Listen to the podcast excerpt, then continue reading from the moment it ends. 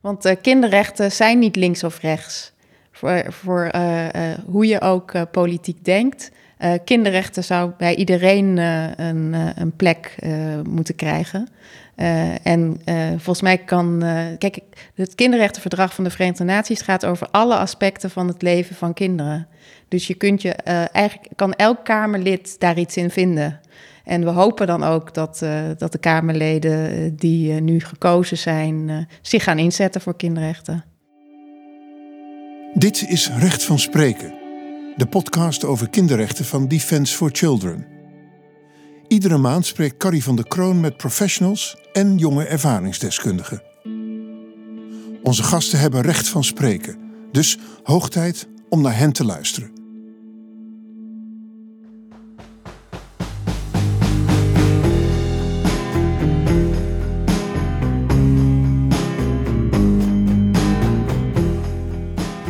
En bij hoge uitzondering en op anderhalve meter afstand zit ik in het Leidse Kinderrechtenhuis vandaag met Mirjam Blaak, directeur bij Defence for Children, en Hefin Dali, medewerker kinderrechten en migratie, ook bij Defence for Children, en EU-jongerenvertegenwoordiger bij NJR, de Nationale Jeugdraad. Welkom Hefin en welkom Mirjam. Dankjewel. Dankjewel. Ontzettend leuk om jullie weer te zien. Uh, voor het eerst sinds ik weet niet hoe lang uh, op kantoor. Hey Fien, wanneer was jij voor het laatst op kantoor? Weet je dat überhaupt nog? Ja, voor het laatst was in augustus 2020, in de zomer. Wauw. Mirjam, jij komt vaker op kantoor. Uh, ja, dat moet als directeur. Ja. En dan ben je hier volgens mij moederziel alleen. Hoe ja, absoluut. Dat?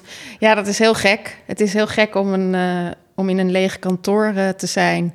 En, en dan een paar kleine dingen te doen en dan weer weg te gaan. En ondertussen te weten dat iedereen keihard aan het werk is vanuit huis. Ja. Dat is heel bijzonder. En uh, dat geldt natuurlijk voor uh, iedereen in uh, Nederland en heel veel andere landen ter wereld.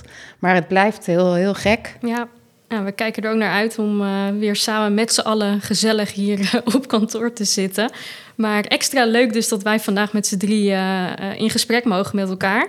Wij gaan terugblikken op de afgelopen verkiezingen. Nederland heeft gestemd. En we gaan natuurlijk ook vooruitkijken naar uh, ja, wat willen we in de aankomende periode. En dat doen we specifiek vanuit het perspectief natuurlijk van de rechten van kinderen. Want dat is waar wij het meest van weten.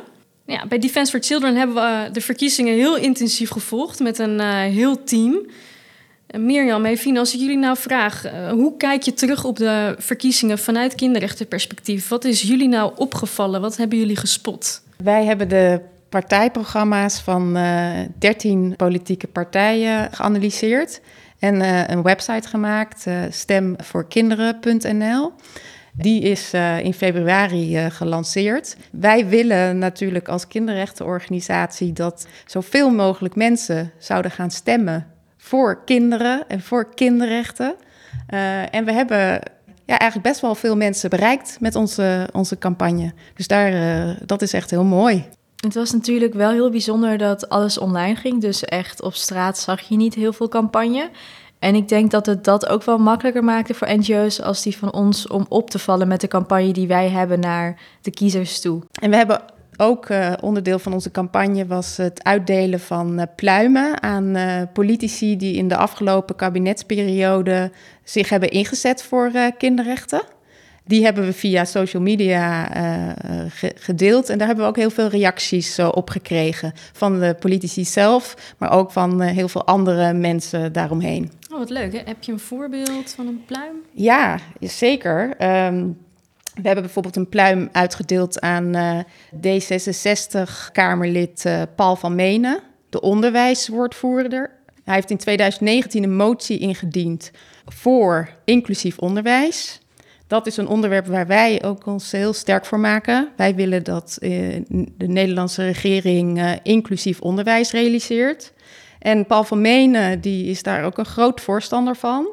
En um, hij heeft uh, met zijn motie de regering opgeroepen om een brede coalitie te gaan vormen van leraren, schoolleiders, ouders, leerlingen en besturen om inclusief onderwijs voor ieder kind te realiseren. Uh, door de grote winst van uh, D66 kan Paul van Meenen zijn ambitie op inclusief onderwijs in de Tweede Kamer gaan voortzetten. Dat is dus heel mooi. Ja. Want hij komt dus weer opnieuw in de Kamer. Dus Ja. Een kans om uh, verder ook samen te werken op dit belangrijke terrein. Absoluut. Heel erg fijn. Hey Fien, uh, jongeren hebben ook gestemd. En ik heb begrepen ook meer dan ooit. Ja, dat klopt. Jongeren hebben inderdaad meer gestemd deze verkiezingen. Want voorheen was de opkomst onder jongeren 67 procent. En nu is het gewoon 80. En dat is eigenlijk het landelijk gemiddelde in Nederland vaak. Dus dat is echt heel tof en bijzonder, denk ik. En wat heeft gespeeld zijn best wel grote protesten in de afgelopen regeerperiode. Zoals de klimaatprotesten in Den Haag, maar ook Black Lives Matters en zo. Dat was heel groot. En op social media, ik heb echt... Ja, als ik erover nadenk, volgens mij heb ik zowat elke dag in mijn social media, als ik op Instagram kijk, protestberichten of berichten met een politieke boodschap van vrienden die ik volg. Want iedereen is ermee bezig en ik denk ook, je bent nu meer thuis, dus online speelt zich meer af. Je hebt minder vaak discussies in de kroeg met vrienden, dus probeer je het op social media te creëren wat je nu mist. Ik denk dat dat best wel heeft meegespeeld. En dat dat de opkomst ook heeft vergroot, wat echt heel, heel tof is. Hmm, eh, eh, een beetje advocaat van de duivel hoor, maar uh, komt het dan niet door jouw bubbel uh, op jouw eigen sociale media? Ja, dat zou zeker kunnen, ben ik het echt helemaal mee eens. En weet je iets over wat jongeren zo al hebben gestemd? Ehm, ja, um, wat opvalt is bijvoorbeeld dat Volt heel veel jonge stemmers heeft getrokken. En wat ook opvalt, want bij de vorige verkiezingen, de provinciale verkiezingen, was GroenLinks heel groot als een beetje tegenpol van de FVD, Forum voor Democratie. Maar dat was dus weer wat lagere stemmers voor GroenLinks. Maar heel grappig, NOS heeft een grafiek gemaakt met wat zou er gebeuren als alleen de stem van jongeren zou hebben geteld. En dan zou D66 de grootste zijn geworden. En dan zouden kleinere partijen en nieuwkomers als Volt en Bijeen ook groter zijn geworden. En dat vind ik eigenlijk wel grappig gegeven en interessant. Dat de nieuwkomende partijen dus zoveel jonge stemmers weten te trekken. Ja, dat roept ook bijna de vraag op van... goh, wat nou als we iets aan de stemgerechtigde leeftijd uh, zouden doen? Uh, hoe zou uh, ons parlement er dan uitzien? Of, nou ja. Ja, dat is natuurlijk wel een veelgehoorde kwestie. Vooral ook omdat in Nederland hebben we gewoon te doen met vergrijzing. Dus het aandeel 70 plus is veel groter dan het aandeel 18 tot 30 plus of tot 29 plus. Dat is eigenlijk de officiële leeftijdscategorie om als jongere aangeduid te worden. Um, en die jongeren moeten natuurlijk nog veel langer in Nederland en veel meer te maken hebben met alles waar nu over wordt beslist. Dus de, af en toe worden er dingen geroepen als misschien moeten wij jongeren gewoon een dubbele stem geven of moeten wij de stemgerechtigde leeftijd verlagen naar 16. En dat zijn dus discussiepunten. Interessante gedachte. Um, aan de ene kant zie je dus dat jongeren um, meer zijn gaan stemmen. Jij ziet ook echt dat jongeren actiever zich uitspreken, zich meer bezighouden met politiek. Nou, Defense for Children die heeft uh, aandacht geprobeerd te genereren voor kinderrechten in de verkiezingen. Als jullie terugkijken naar de debatten, dat wat heeft gespeeld in de media, waren kinderen en jongeren dan echt een onderwerp van gesprek? Nou, eerlijk gezegd viel dat best wel tegen. Hoeveel uh, aandacht er was voor uh, kinderen en jongeren tijdens de debatten. En met name over voor de onderwerpen die voor uh, kinderen en jongeren belangrijk zijn. Ja, daar ben ik het mee eens. En um, het is natuurlijk zo dat deze debatten werden gedomineerd door corona, omdat dat speelde. Want deze verkiezingen zijn ook gehouden te midden van een grote pandemie. En het is echt heel erg en vreselijk. Maar ik denk dat we ook andere onderwerpen uit het oog zijn verloren, zoals het klimaat of uh, mentale problemen die nu nog erger zijn geworden onder jongeren. We hebben natuurlijk ook nog het feit dat we enorme schulden maken, want corona. En we moeten ook heel veel investeren in Nederland. Maar de vraag, wie gaat er uiteindelijk voor betalen? Welke mensen gaan straks werken om al die schulden af te lossen? Dat zijn de jongeren die nu niet zoveel en niet zo vaak worden gehoord. En de kinderen die amper mogen stemmen. Dus ik denk dat daar minder, nou, te weinig oog voor was eigenlijk. Ik wil ook even met jullie uh, kijken naar uh, ja, de partijen en ook de personen, de, de Kamerleden die de Kamer nu ingaan en uh, die zich misschien ook wel ingezet hebben of kunnen gaan inzetten voor kinderrechten. Wie hebben jullie in het vizier? welke partijen of personen zijn jullie ja, blij mee dat die of in de Kamer blijven of dat ze erin komen? Um, een opvallende naam is natuurlijk Lisa Westerveld, die in de Kamer blijft omdat zij genoeg voorkeurstemmen heeft gekregen. En zij mag dus um, haar werk voortzetten. En ik denk dat dat ook wel heel erg veel te maken heeft met het feit dat zij echt er is voor jongeren en dat ze dat ook zegt en voor kinderen. Voor de mensen die uh, Lisa Westerveld nog niet kennen en dat niet zo goed volgen uh, als jij dat doet, waarom is zij zo belangrijk voor kinderrechten? Lisa Westerveld zet zich echt heel erg in voor de jeugdzorg. En zij heeft ook direct contact met ervaringsdeskundigen, maar ook met andere jongeren en kinderen. Ik denk dat zij echt een hele belangrijke stem is in de Kamer voor deze doelgroep. En daarom ben ik en ik denk ook wel wij als Defense for Children blij dat zij mag doorgaan met haar werk. Want dat doet ze dus heel goed. En dat is blijkbaar opgevallen bij de kiezers. Want anders was ze er niet weer ingekomen. Dat is heel fijn. Ja, Mirjam, op wie heb jij uh, hoop gevestigd? Nou, op eigenlijk heel veel Kamerleden heb ik de hoop gevestigd dat ze, een, uh, dat ze aandacht uh, zullen hebben voor de rechten van kinderen. Um, specifiek wil ik eigenlijk een Kamerlid noemen wat die niet meer terugkomt. Om te laten zien ja, hoe je je als Kamerlid eigenlijk kan inzetten voor kinderrechten. En dan heb ik het over Joël Voordewind van ChristenUnie. Die heeft zich jarenlang echt op verschillende terreinen van, die belangrijk zijn voor kinderen ingezet voor kinderrechten. Dus we zullen hem ook heel erg missen. Maar gelukkig zijn er andere Kamerleden en ook nieuwe Kamerleden die uh, dat stokje over kunnen nemen. En dan over alle, ja, over alle partijen heen gaan we, denk ik, mensen zien die ja. dat gaan doen. Ja, en uh, voor de winter heeft zich natuurlijk veel ingezet voor seksuele uitbuiting van kinderen. Of nou, daartegen natuurlijk. wat nog meer? hij heeft zich natuurlijk voor buitenlandbeleid ingezet. Maar ook als het gaat om vluchtelingenkinderen heeft hij veel gedaan om aandacht te vragen voor hun positie. Ja. ja, en hij heeft ook veel opgetrokken met Anne Kuik van het CDA, die we wel terug gaan zien. Dus ja. dat is hè, fijn. wellicht kan zij een, een, deel van dat stokje dus overnemen. Er zijn ook Kamerleden onder de 30, jonge Kamerleden gekozen.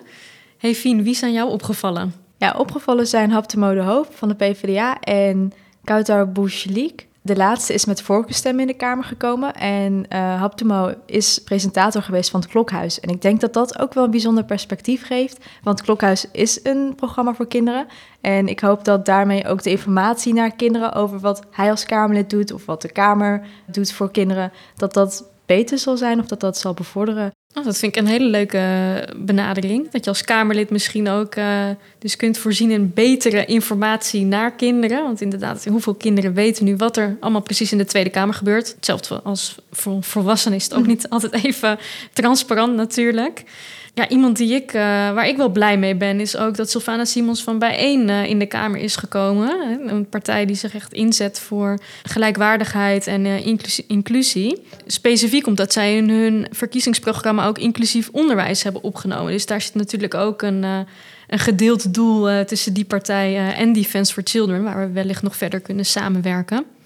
Maar er zijn meer nieuwe partijen de Kamer uh, ingekomen. Hevien refereerde net even naar uh, Volt. Uh, Mirjam, hoe kijk jij aan tegen de kinderrechtenblik die Volt heeft? Nou, het is heel interessant. Hè? We hebben natuurlijk heel veel jongere kiezers op gestemd. En we hebben ook Marieke Koekoek op de lijst. dat is een advocaat-stagiaire.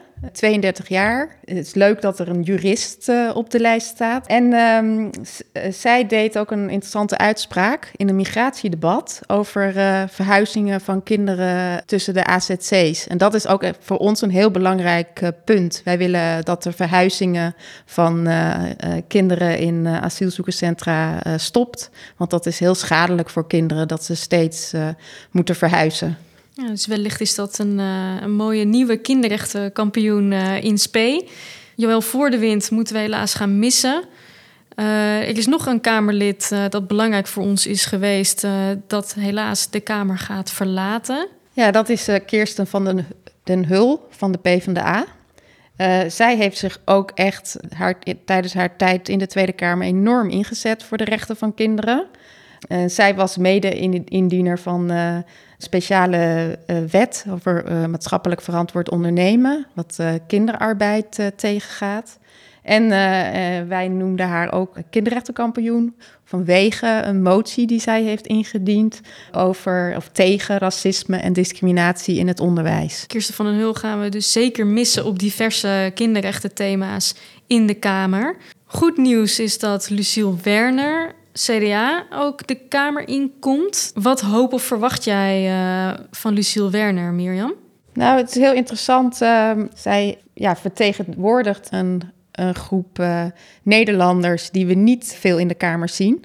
Dus mensen met een, uh, met een handicap. Dat zou ik eigenlijk veel meer willen zien in de Tweede Kamer. Dat er veel meer mensen met diverse achtergronden in de Kamer zitten. Uh, maar zij heeft gezegd bijvoorbeeld of je nu um, ouder bent, deel uitmaakt van de LHBTI-gemeenschap, moeite hebt met lezen en schrijven, of je nou in armoede leeft, een handicap hebt. Ik weet hoe het voelt om bekeken te worden omdat je anders bent. En dat is een hele mooie uitspraak waar wij heel veel aanknopingspunten zien om met haar in gesprek te gaan over kinderrechten. Leuk. Een partij eh, waar we het nog niet over hebben gehad, SP. Wie uh, hebben we daar in het vizier uh, als een potentiële of al bestaande kinderrechtenkampioen? Ja, dan moet ik gelijk denken aan Michiel van Nispen. Hij is een belangrijke gesprekspartner voor ons als het gaat om uh, het verbeteren van de positie van uh, minderjarige slachtoffers van seksuele uitbuiting. Ja. VVD en D66, de twee grootste partijen. wat hoop je van hen als het gaat om, om kinderrechten? En wie heb je daar eventueel in het vizier qua personen? Dat zijn natuurlijk inderdaad de twee grootste partijen, dus we verwachten heel veel van hun. We verwachten dat zij kinderrechten meer centraal gaan zetten. Uh, als het uh, gaat om de VVD, wil ik eigenlijk heel even uh, speciaal Martin Wursdurfer noemen. Hij komt niet terug in de Tweede Kamer, maar hij heeft zich de afgelopen kabinetsperiode enorm ingezet voor kinderrechten. En Martin Wursdurfer is natuurlijk van belang geweest voor jeugdzorg, maar ook jeugdstrafrecht. De VVD is ook een belangrijke samenwerkingspartner natuurlijk als het gaat om het uh, voorkomen en bestrijden van weeshuistoerisme. Dus ja. dat uh, gaan we ook natuurlijk voortzetten. Dat klopt, inderdaad. D66 profileert zich natuurlijk klassiek als uh, de onderwijspartij en is nu de tweede. Hey Fien, wat hoop jij van hen? Het is natuurlijk echt heel mooi dat zij de tweede zijn geworden. En ik verwacht natuurlijk dat ze Um, ja, bij, het, bij het bedenken van onderwijsvormen of van allemaal regelingen in het onderwijs, dat ze daar jongeren en kinderen bij betrekken, zodat die ook worden gehoord over hoe zij het ervaren en hoe zij het liever zouden willen zien. En natuurlijk het gedeelte inclusief onderwijs waar Defense for Children zich in, voor inzet. En wat we natuurlijk niet moeten vergeten, wat echt wel mooi is, dat Sigrid Kaag in haar brief naar de formateurs uh, heeft opgeschreven dat zij graag een humaan migratiebeleid wil zien. En ik denk dat wij als Defense for Children daar echt heel blij mee moeten zijn. En we hopen dat ze zich daarvoor inzet in de onderhandelingen als tweede partij. Dus daar is onze hoop ook op gevestigd. Nou, jullie, of we zijn eigenlijk heel hoopvol uh, over allerlei uh, mensen en partijen waarmee we ja, goed kunnen samenwerken op het gebied van kinderrechten. Tegelijkertijd, met de huidige uitslag, zou bijvoorbeeld zo'n humaan migratiebeleid, waar Kaag uh, zo voor pleit, nog wel eens lastig kunnen worden. Hoe kijken jullie daarnaar? Het is wel waar natuurlijk dat uh, linkse partijen zetels hebben moeten inleveren. En dat zie je ook bij GroenLinks, heb ik al genoemd. En ik kom toch weer terug op de grafieken die NOS heeft gemaakt. Want als jongeren zouden hebben gestemd, dan zou het linkse zijn uitgevallen, uh, de uitslag. Desondanks denk ik toch dat we hoopvol moeten zijn. En dat alle partijen zich graag zouden willen inzetten voor kinderrechten. Ja. Dat, daar ben ik helemaal met jou eens, uh. Want uh, kinderrechten zijn niet links of rechts. Voor, voor uh, hoe je ook politiek denkt. kinderrechten zou bij iedereen een, een, plek moeten krijgen. en volgens mij kan. kijk, het kinderrechtenverdrag van de Verenigde Naties gaat over alle aspecten van het leven van kinderen. Dus je kunt je eigenlijk kan elk Kamerlid daar iets in vinden. En we hopen dan ook dat, dat de Kamerleden die nu gekozen zijn, zich gaan inzetten voor kinderrechten. Heel mooi, en daar gaan we ze natuurlijk ook bij helpen en aan herinneren. Genoeg teruggeblikt. Het is tijd om ook vooruit te kijken. De volgende stap in het proces is natuurlijk nou ja, het vormen van een coalitie en om een regeerakkoord ook te schrijven. Tot nu toe hebben we dus weinig teruggezien als het gaat om kinderrechten in debatten. Wij hopen natuurlijk dat daar meer van terugkomt in het aankomende regeerakkoord. Mirjam, wat zou jij graag uh, terug willen zien in het regeerakkoord als het gaat om kinderrechten? Nou, als het aan ons ligt, kinderrechtenorganisaties, zouden wij heel veel punten voor kinderrechten in het regeerakkoord willen zien. Maar we moeten natuurlijk realistisch zijn. Wat we heel erg belangrijk vinden is het punt waar uh, Hevine het net ook over had. Een humaan vluchtelingenbeleid in Europa. Dat zouden wij als Defense for Children graag in het regeerakkoord zien. En daarbij ook zouden we graag willen zien dat in het regeerakkoord komt te staan dat het belang van het kind wordt verankerd in de Vreemdelingenwet. Dat vinden wij heel erg belangrijk, omdat ehm, uh, op dit moment in het vreemdelingenbeleid in Nederland onvoldoende wordt gekeken naar de rechten en belangen van kinderen. En ja, je ziet bijvoorbeeld dat ze jarenlang in onzekerheid leven in de asielopvang. In, de, in een van de vorige podcasts uh, vertelt een van onze jongere ambassadeurs, Akrat, uh, hoe het is om uh, als kind op te groeien in een asielzoekerscentrum. Ja, de leefomstandigheden in asielzoekerscentra, daar ja, daar, voor kinderen, dat is niet makkelijk. Wij zouden graag willen zien dat daar uh, uh, ja, veel dingen verbeteren. We zien ook dat uh, ja, door de langdurige, onzeker, langdurige verblijf in onzekerheid, dat dat leidt tot psychische schade bij kinderen. We vinden dus ook heel erg belangrijk dat er veel meer aandacht komt voor psychosociale zorg voor kinderen in de asielprocedure. Migratie uh, is natuurlijk ongetwijfeld een, uh, een onderwerp uh, dat in het regeerakkoord gaat komen. We hopen natuurlijk dat mensen die luisteren en wellicht ook invloed daarop hebben, ook zullen denken dus aan de positie van kinderen. En dat het lukt om inderdaad dat humane migratiebeleid in het regeerakkoord te krijgen als, als doelstelling. Dat even wat betreft migratie. Wat heb je nog meer op je wenslijst staan? Heel erg belangrijk is ook dat er in het regeerakkoord aandacht is voor uh, jeugdhulp. Ja, als we kijken naar uh, hoe de jeugdhulp op dit moment, uh, ja, hoe het daarmee gaat, zien we dat heel veel kinderen niet de passende zorg krijgen die ze nodig hebben met de decentralisatie zijn er eigenlijk ook heel veel uh, nieuwe problemen ontstaan. Dus dit is echt een onderwerp waar het nieuwe kabinet en de, twee, de gehele Tweede Kamer zich in vast moet gaan bijten de komende jaren. En als we kijken naar de, de aandacht die de politieke partijen geven aan dit onderwerp, uh, verwacht ik ook dat ze dat gaan doen. Uh, want je ziet uh, over de hele breedte in de Tweede Kamer dat er politieke partijen zich hiervoor in willen zetten. En dit is heel erg belangrijk, uh, want er zijn te veel kinderen die, die niet de zorg krijgen die ze nodig hebben. er zijn wachtlijsten. we zien dat er um, op allerlei manieren niet genoeg geld beschikbaar is. we willen dat de leeftijdsgrens voor het verlenen van jeugdhulp, dat stopt nu bij 18. We willen dat het verlengd wordt voor alle vormen van zorg. Niet alleen bij pleegzorg, maar bij alle vormen van zorg. En we willen dat het aantal uh, gesloten plaatsingen, dus gesloten jeugdhulpplaatsingen, dat dat ook afneemt. We willen dat er eigenlijk gewoon veel eerder adequaat, passend wordt geholpen waardoor de problemen van kinderen en hun ouders zich niet opstapelen. Daar ben ik het echt helemaal mee eens, Mirjam. Want dat verwachten de kinderen denk ik ook van ons en de jongeren. De kinderen die überhaupt geen stem hebben gehad in deze verkiezingen... en de jongeren die in aandeel eigenlijk weinig geluid kunnen laten horen. En ik denk dat zij die invloed hebben, dus dat zijn nu de Kamerleden die aan het formeren zijn, dat ze er echt heel veel baat aan zouden hebben als zij voor heel vroeg al kinderen en jongeren eigenlijk vragen wat zij graag in het regeerakkoord zouden willen zien. En om hier een voorbeeld in te noemen, vier jaar geleden, tijdens echt de hele lange onderhandelingen in de zomer, toen heeft Defense for Children een lunch georganiseerd voor Kamerleden die aan het formeren waren met hun partij. En voor kinderen die heel lang in Nederland wonen, maar nog geen verblijfsvergunning hadden. En die gesprekken waren echt heel mooi en heel vruchtbaar.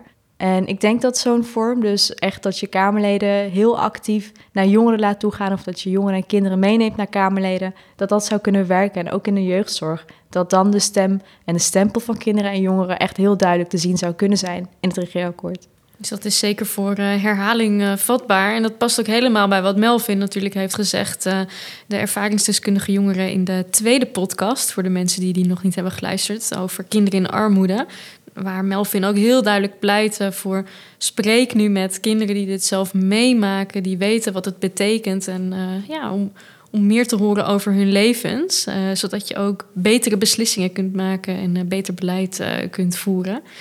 Dus daar, daar zit zeker een kans om het beter te doen of om kinderrechten en de stem van kinderen en jongeren in, tot, hun tot hun recht te laten komen in het regeerakkoord. Ja, armoede is natuurlijk ook een onderwerp wat wij uh, terug willen zien in het regeerakkoord.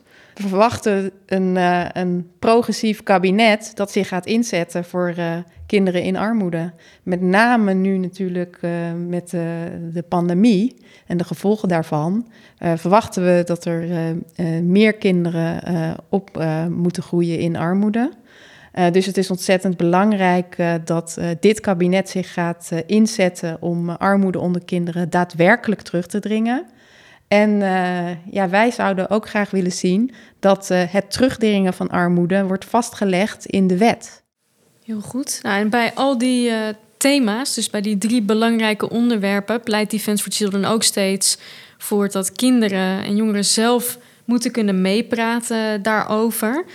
Uh, kinderen en jongeren laten ook steeds meer van zich horen door middel van protesten, maar ook op andere manieren door zich te organiseren op allerlei thema's. Of het nu gaat om klimaat, uh, maar ook in de coronacrisis. Uh, ze hebben dus ontzettend veel gestemd, vertelde jij ook, Hevien, maar ze zitten nog niet altijd aan tafel.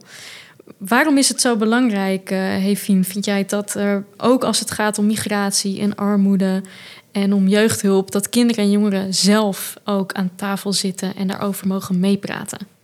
Um, ik denk dat beide partijen daarbij zijn gebaat. Dus de partijen die kunnen beslissen over de situatie van de kinderen en jongeren en de kinderen en jongeren zelf. Omdat de kinderen en jongeren heel graag willen laten horen wat speelt in hun leven. En de andere partij, dus de in dit geval politici, die weten niet altijd wat momenteel aan het gebeuren is in onze levens, omdat die wat ouder zijn vaak. Misschien hebben ze zelf kinderen, maar kinderen of jongeren, de groep in Nederland is geen homogene groep. Er zijn heel veel verschillende kinderen, heel veel verschillende doelgroepen. En ik denk dat ja, de aansluiting daarbij vinden belangrijk is.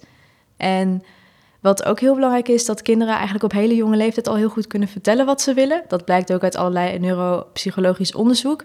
En Um, het is zelfs zo dat een kind eigenlijk heel graag wil meepraten en meebeslissen om er ook bij te horen. Want het ergste wat in het brein van een kind zou kunnen gebeuren is buitengesloten mhm. worden. En het blijkt zelfs dat um, in je hersenen, en ook als tiener, als puber, als jongere, je wil heel graag gezien en gehoord worden en ook meedoen. En dat zou eigenlijk wel ja, daar zou eigenlijk meer naar mogen worden gekeken, denk Zeker. ik. Nee, het valt mij altijd zo op bij kinderen en jongeren. Ze zijn ontzettend goed in staat om mee te praten. Inderdaad, ze willen dat ook.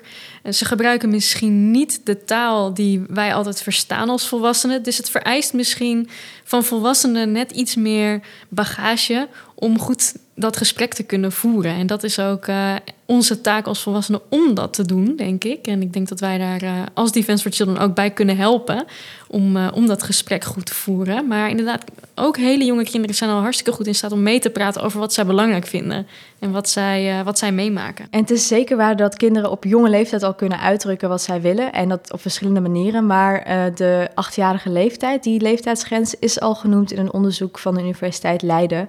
En daarin blijkt dus ook dat uh, als achtjarig kind kan je echt heel goed en behoorlijk goed zelfs beslissen wat jij zou willen in jouw leven. En dit onderzoek is gedaan in het kader van echtscheidingsprocedures, dus familierechtelijk van aard. Maar er zijn ook heel veel neuropsychologen te pas gekomen om deze leeftijd vast te kunnen stellen. Ja, en dus, dat is een minimumgrens, hè? maar stel een kind uh, is ook al verder ontwikkeld op een jongere leeftijd, dan kan dat natuurlijk ook. Uh, ja. leeftijd is in die zin ook niet, uh, niet heilig. Het gaat om de ontwikkeling van een kind. Um, en Carrie, jij zei net al dat wij als Defense daarbij zouden kunnen bijdragen, namelijk politici en kinderen bij elkaar brengen. Dat hebben we al laten zien bij de vorige formatieperiode. En we zouden dat natuurlijk nu ook kunnen doen. Dus als politici denken, ik wil jongeren uit een bepaalde doelgroep spreken, en dat zou bijvoorbeeld armoede kunnen zijn, dan hebben wij een groep jongeren die zelfs op armoede heel erg goed aan het meeparticiperen zijn in een gemeente. We hebben namelijk het project Speaking Minds, waarbij jongeren uh, vertellen uit eigen ervaring wat het met hen heeft gedaan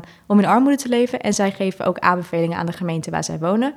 Dus die jongeren hebben we. Ja, dat is een project wat we samen doen uh, met Save the Children. Ja, wat wij dus ook uh, uh, doen, is de jongeren ook trainen in, in, hoe ze ja, hun ervaringen kunnen delen. nou, met politici, met beleidsmakers en met andere professionals. En wat inderdaad niet hierin mag worden vergeten, is dat het niet alleen gaat om meepraten van kinderen. Dus niet dat het Greta Thunbergje, Thunberger hokje mag worden aangevinkt, dat zeg ik altijd. Ja. Want dat is niet de bedoeling van meepraten. Het gaat niet Nee. om het plaatje, maar het gaat echt om dat het kind zich ook zelfverzekerd genoeg voelt, genoeg informatie heeft, genoeg begeleiding, genoeg steun om te vertellen uit eigen ervaring. En ik denk dat Defense daar inderdaad wel echt heel goed in is. En dat we daarbij zouden kunnen helpen deze formatieperiode. Ja, ik vind het zelf ook een van de mooiste dingen die we doen als organisatie. Of een van de redenen dat ik, ik hier graag werk, is dat we jongerenparticipatie zo integreren in eh, alles wat we doen, in de, in de projecten. Dus als wij een verbetering gaan proberen te brengen in de jeugdhulp of voor kinderen die in armoede leven, dan betrekken wij daar altijd ervaringsdeskundige kinderen en jongeren bij om te horen dus van wat is er nu echt van belang. En dat we niet zelf gaan bedenken wat de oplossing eh, zou moeten zijn. Dus in die zin is het ja, echt eh, kwalitatieve jongerenparticipatie en niet een, eh, een show van mini-politici, zeg maar.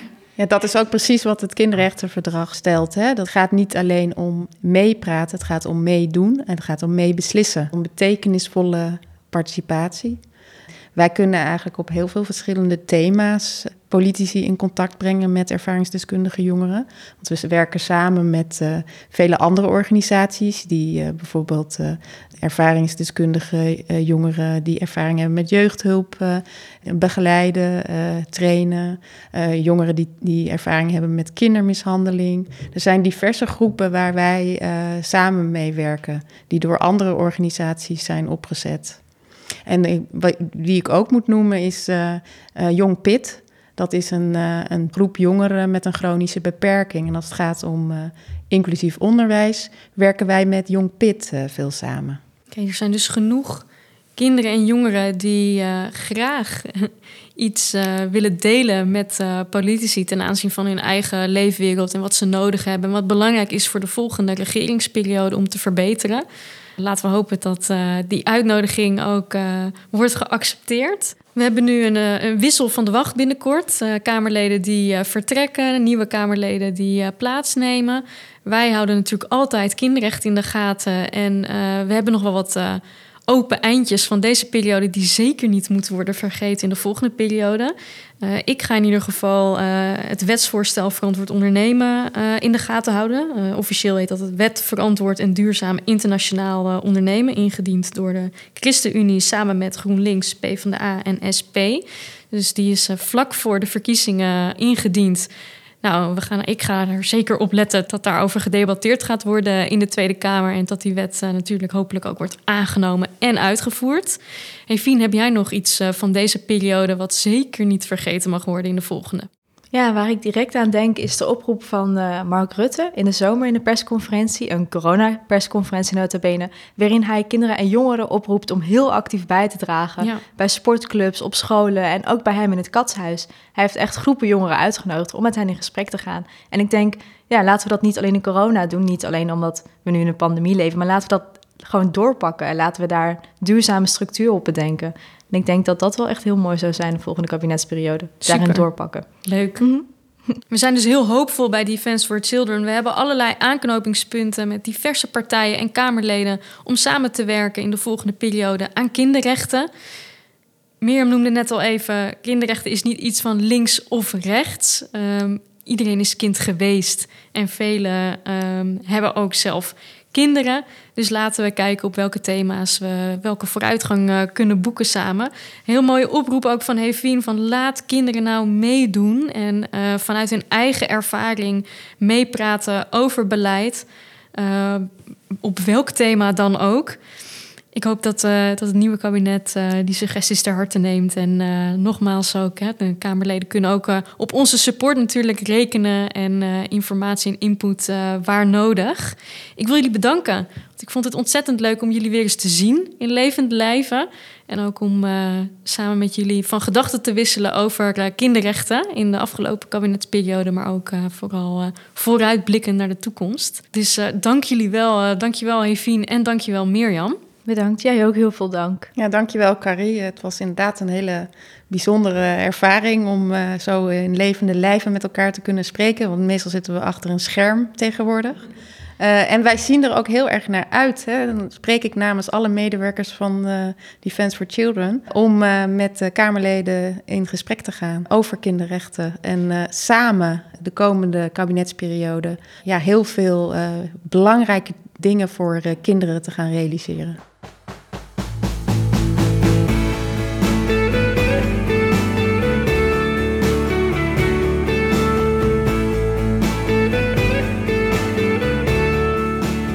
Vond je deze aflevering interessant? Deel hem dan met anderen en abonneer je op Recht van Spreken, podcast over kinderrechten van Defense for Children.